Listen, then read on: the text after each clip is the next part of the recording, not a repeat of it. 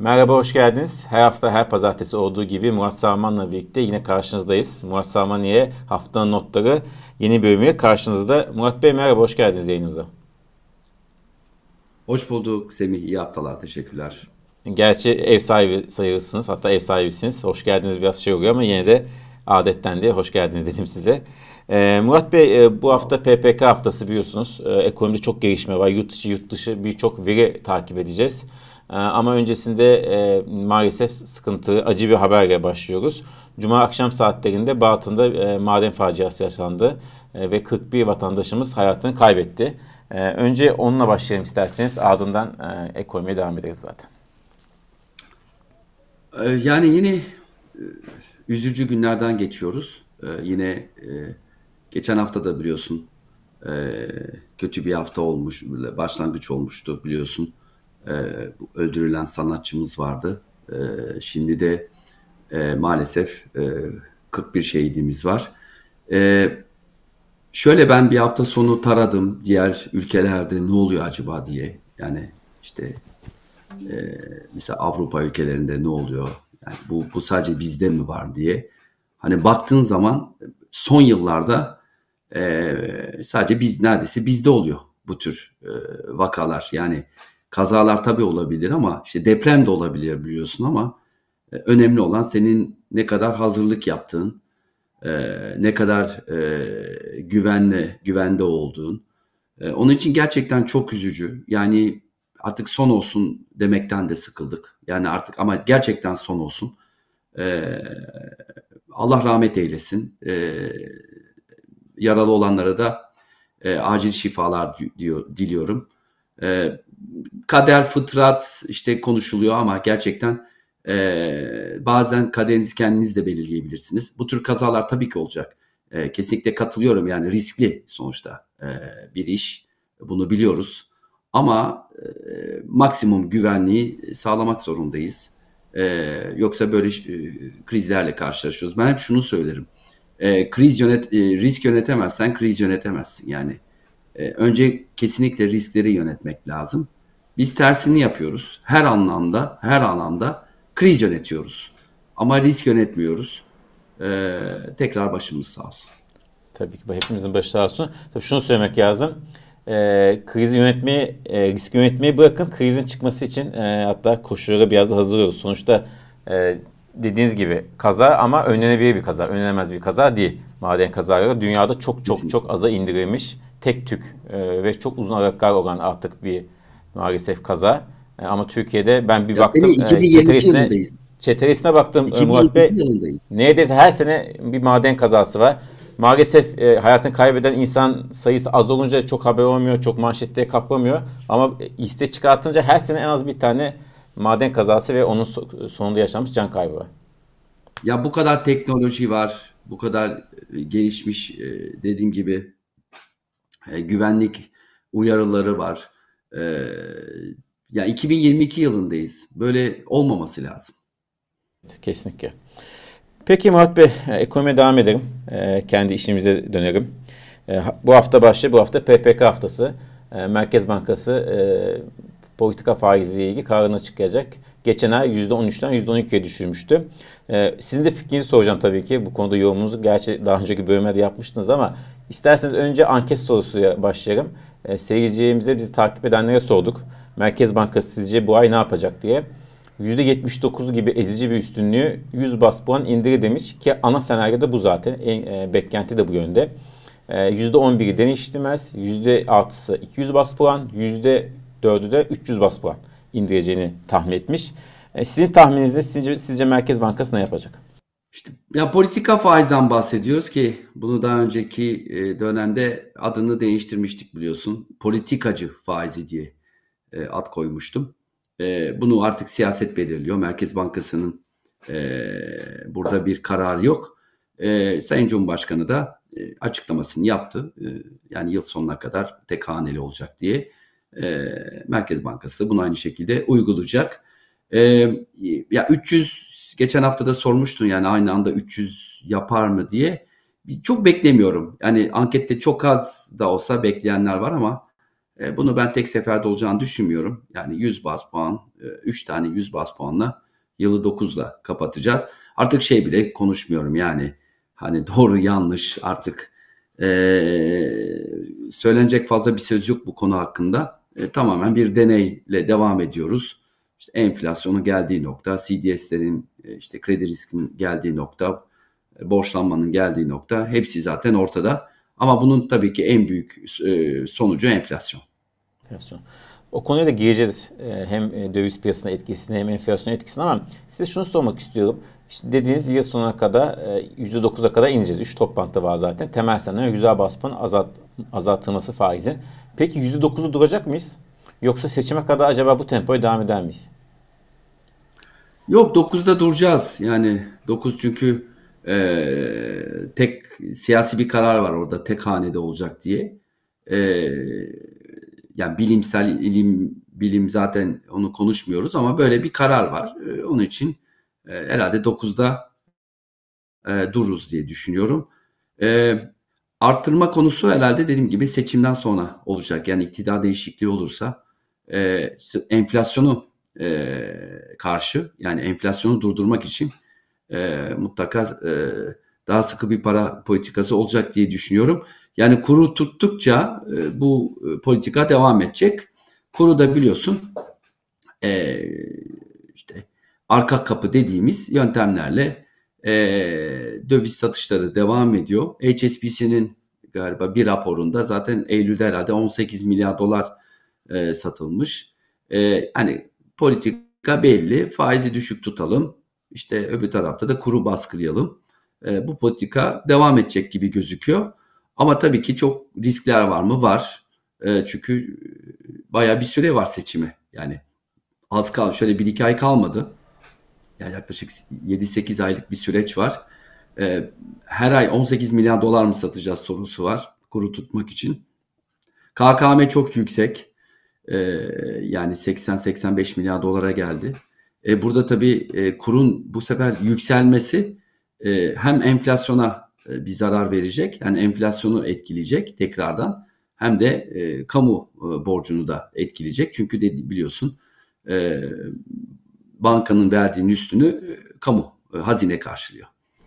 Evet. E, şu, burada şunu sormak istiyorum. Şimdi esasında politika faizi artık hani e, hem enflasyon arasındaki bağın iyice kopması sebebiyle düşürmesi piyasa tarafından çok da e, dikkate alınmıyor. Çok da önemsenmiyor. Artık zaten oradaki bağ koptu deniyor.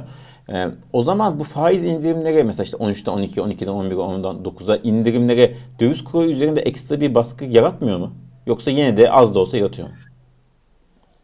Yani yaratıyor şu anda yani kur düşmüyor bir kere. Yani e, az az yükseliyor. E, orada tabii satışlar var. Kur işte e, kontrollü dalga kur diyoruz bunu şu anda yaşadığımız. E, kur kontrol edilmeye çalışılıyor. E, belki de yavaş yavaş yükselecek. E, ama işte biliyorsun yani kurun buralarda kalması da artık e, işletmelere, sanayicilere de rahatsız etmeye başladı. Çünkü hani maliyetler yükseliyor ama özellikle politikanın ana amacı ihracat olduğu için, ihracat ve üretim olduğu için e, bu sefer e, problemler başladı. E, çünkü e, satış e, fiyatı e, şeyde kalıyor, e, düşük kalıyor. İhracat fiyatları düşük kalıyor. E, ama kur bu sefer yükselirse biraz önce bahsettiğim riskler e, ortaya e, gelecek. E, çok zor bir durumdayız e, Semih. Yani gerçekten e, bir de alışa gelmiş bir durum değil. Yani yaşadığımız şu anda e, işte bildiğimiz e, bir para politikası, bir mali politikası. Şu anda tamamen her şey seçim endeksli olduğu için e, bütün her şey seçim sonrasına ertelenecek diye düşünüyorum. Bu noktada son olarak şunu sormak istiyorum. E, Reuters e, anketini belki görmüşsünüzdür. E, işte 2023'te Merkez Bankası'nın faiz politikası gibi anket yapmış. Anketteki medyana göre seçim sonrası ikinci yarısı diyor. Muhtemelen seçim sonrasını kastediyorlar. İkinci evet. yarısında politika faizinin %17-18 seviyesine yükselmesi bekleniyormuş. En yüksek tahminde %40'mış. Şimdi tabii size zaten daha programlar yapacağız. Seçim yaklaştıktan sonra ne olacak çok konuşacağız. O yüzden şu anda bir tahmin yapmak çok zor. Çünkü 7-8 ay sonra ekonomi ne durumda olacağı çok e, öngörülemez. Evet bilmiyoruz. Ama yine de siz e, seçim sonrası iktidar kimde kalırsa kalsın E, politika faiz konusunda ciddi bir politika değişikliği bekliyor musunuz? Ee, bek, bekliyorum aslında yani e, ya iktidar değişmezse bile beklerim çünkü dediğim gibi e, iktidar değişmezse bu sefer tabii ki e, e, riskli özellikle biliyorsun herkes e, seçimi bekliyor özellikle e, yabancı yatırımcılar e, onlar da biliyorsun e, şey çok önem veriyorlar istikrara güvene işte yargı bağımsızlığına bu tür konulara gerçekten önem veriyorlar e, kurdaki dalgalanma yüzünden e, muhtemelen e, bir faiz arttırımı gelecek. İktidar değişikliği olursa zaten e, tüm kurumlar bağımsız olacağı için e, orada muhtemelen e, para politikası, bağımsız bir para politikası uygulanacaktır diye düşünüyorum ama hani ne kadar faiz arttırır gerçekten bilmiyorum. Yani çok bunu söylemek çok zor çünkü o güne geldiğimizde enflasyon ne olacağını da bilmiyoruz.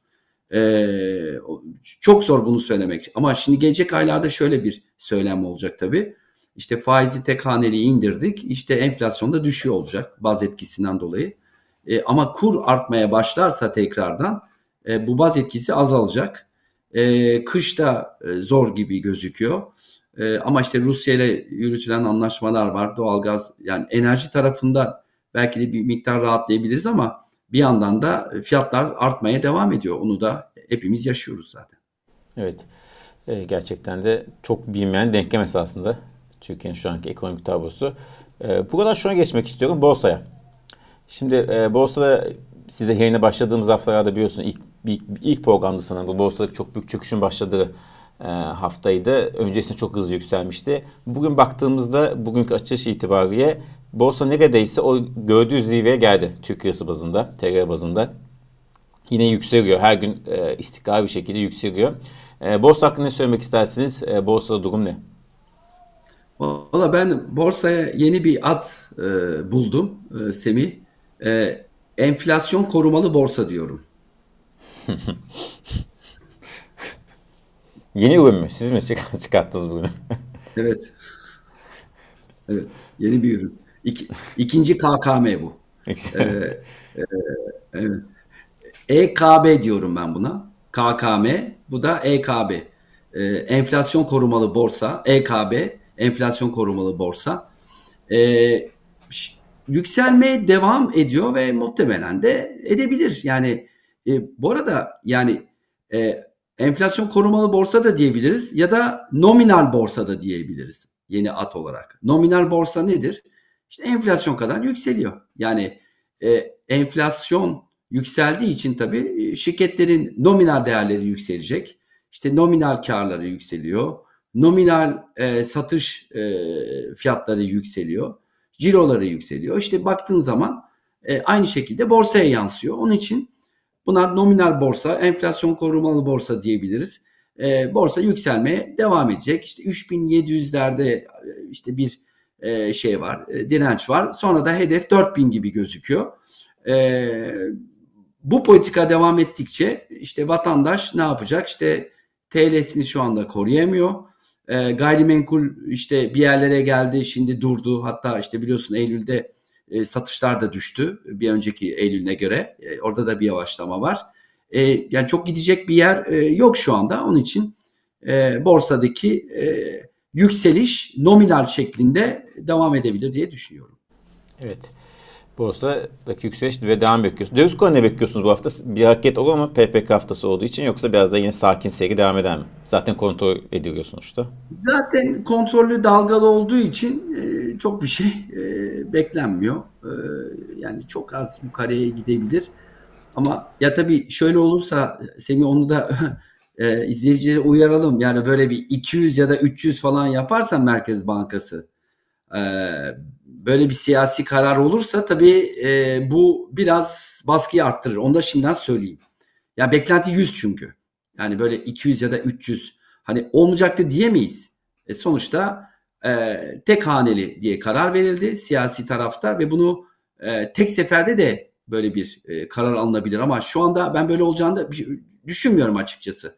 E, yani 3 toplantıda eşit bölmeyle yapılabilir ki Zaten gel, geldiğinden beri yeni başkanın bu şekilde devam ediyor. Hani bir geldi birkaç ay hiçbir şey yapmadı. Ondan sonra 19'dan 14'e indirdi faizleri. Yine bir süre durdu. Böyle bir karar alındı ve şimdi de herhalde 9'a doğru gideceğiz. Onun için hani öyle bir şey olmazsa kurdaki baskının çok fazla olacağını düşünmüyorum. Ama kur peyderpey yukarıya gidecek o, o belli yani. Ee, peki artık sona yaklaşırken bu hafta veri takvimine bakacağız ama öncesinde veri takviminin ilk şeysi bugün kısa vadeli dış borçtu. Siz belki görmemişsinizdir. Şu an yayındayken açıklandı çünkü. Ee, rekor kırdı kısa vadeli dış borç. Ee, Ağustos itibariyle 185.9 milyar dolar ulaştı. Ee, vadesi bir yıl ve daha az kalmış dış borç servisi. Ee, dış borçta kısa vadeli dış borçta yine artış devam ediyor. Zaten genel seyir trend yukarı doğruydu. Ee, Burada ne diyorsunuz? Bu bizim başımızı ağrıtır mı? E, Valla ya tabii ki ağrıtabilir. Yani ağrıtma, ağrıtma ihtimali var. Çünkü düşün e, bu 185'in üstüne bir de yaklaşık 45 milyar dolar cari açık koyacaksın. E, yani 230 milyar dolar gibi bir döviz bulmamız lazım. Kısa vade dediğimiz bir yıla kadar olan borç. E, böyle bir dövizi bulmamız lazım e, işte bir yıl içerisinde. E, onun için tabii ki rakamlar iyi değil. Niye artıyor? Tabii ki maliyetler de artıyor son dönemde. Özellikle tabii ki Fed faiz arttırıyor. İşte bizim CDS'lerimiz hala yüksek.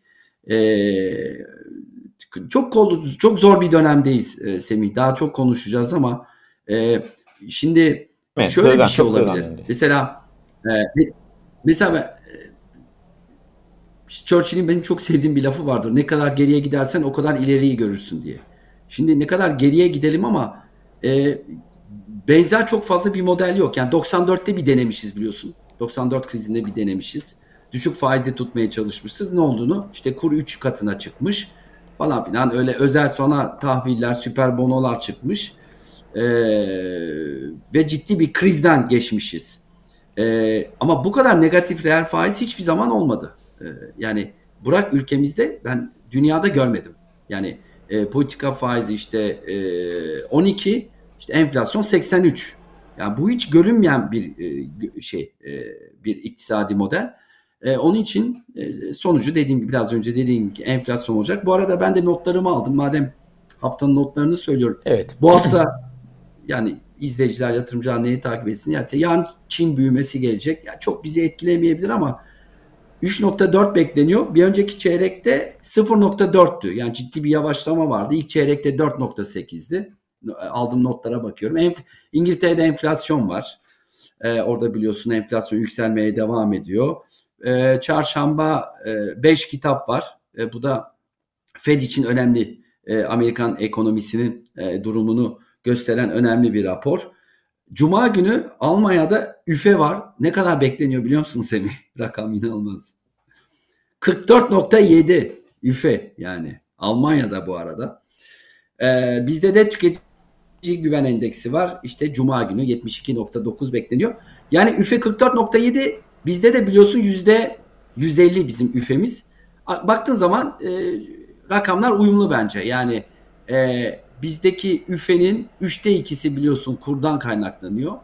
Ee, yüzde yüz kur desen işte yüzde ellisi de dışarıdan kaynaklanıyor. Aslında baktığın zaman yani Almanya işte üfesi 44 ya mesela Almanya'da bizim gibi bir politika uygulasaydı diyelim bize benzer Almanya üfesi de yüzde 150 olurdu belki de. Evet. Evet, evet. Yanlış politikanın bedeli her yerde benzer esasında değil mi? Ya işte yanlış işte yani işte iktidar için yanlış değil. Ee, e, Ama sonuçta itibariyle yanlış. Sonuçları şu anda evet yanlış. Yani e, görülüyor yani yanlışlar. Bir kere yan, en büyük şey bunu e, sonucu enflasyonda görüyoruz. Yani, ve enflasyon düşecek gibi gözükmüyor şu anda. Ee, onun için diğer ülkeler bir de bütün dünya faiz arttırırken e, kimse meraklı değil bu arada faiz arttırmaya yani. E, bence hiçbir, bence hiçbir istemeyerek gelmez. Evet. Bir şey söyleyeyim. istemeyerek faiz arttırıyorlar şu anda. Yani ekonomi çünkü yavaşlatacaklar. Bir resesyon ihtimali doğmaya başladı. Ya kimse faiz arttırmak istemez ama aslında faizlerin düşmesi için faiz arttırıyor merkez bankaları. Bak bu cümle önemli. Faizi arttırıyor ki enflasyon beklentileri aşağı gelsin ve daha sonra da tekrar faiz indirmek için arttırıyorlar. Biz ne yapıyoruz? Biz faizi indiriyoruz, faiz yükseliyor. Çünkü faiz ne, ne oldu? Banka e, faizleri, işte kredi faizleri. Zaten Murat Bey yanlış hatırlamıyorsam Naci Ağbağ zamanında, Lütfü Eyvan zamanında faizler arttırılmıştı biliyorsunuz. O zaman uzun Evet. vade faizi aşağı gelmişti böyle ciddi bir şekilde. aşağı gelmişti. Ya faizlerin arttırmanın amacı zaten faizleri indirmektir. Yani bir paradoks gibi. Faiz arttırıyorsun. Niye? Faiz inmesi için arttırıyorsun. Çünkü oradaki beklenti enflasyonu indirmek. Enflasyonu zaten tahviller bunu fiyatlıyor. Şimdi tabii bizim tahviller aşağı geldi ama o biraz daha farklı sebeplerden dolayı biliyorsun. BDDK'nın e, çıkardığı e, yeni uygulama yüzünden bankalar e, bu Zor. tahvillere bir, bir miktar tahvil alarak bu krediyi verebiliyorlar. O farklı bir uygulama. E, onun için e, biz çok farklı yerlere gidiyoruz. E, gelecek haftalarda değerlendireceğiz. E, sağlığımızı sağlığımız yerinde kalsın. E, teşekkür ederim tekrar. Evet. Evet. Sağlık yerinde olduğu sürece her şeyin çözümü var diyelim. Çok teşekkür ederiz. E, haftaya tekrar görüşmek üzere Murat Bey. Kendinize çok iyi bakın. Çok teşekkür ederim. Bu arada e, güzel mesajlar için de tekrar teşekkür ederiz. Görüşmek üzere haftaya. Çok sağ olun.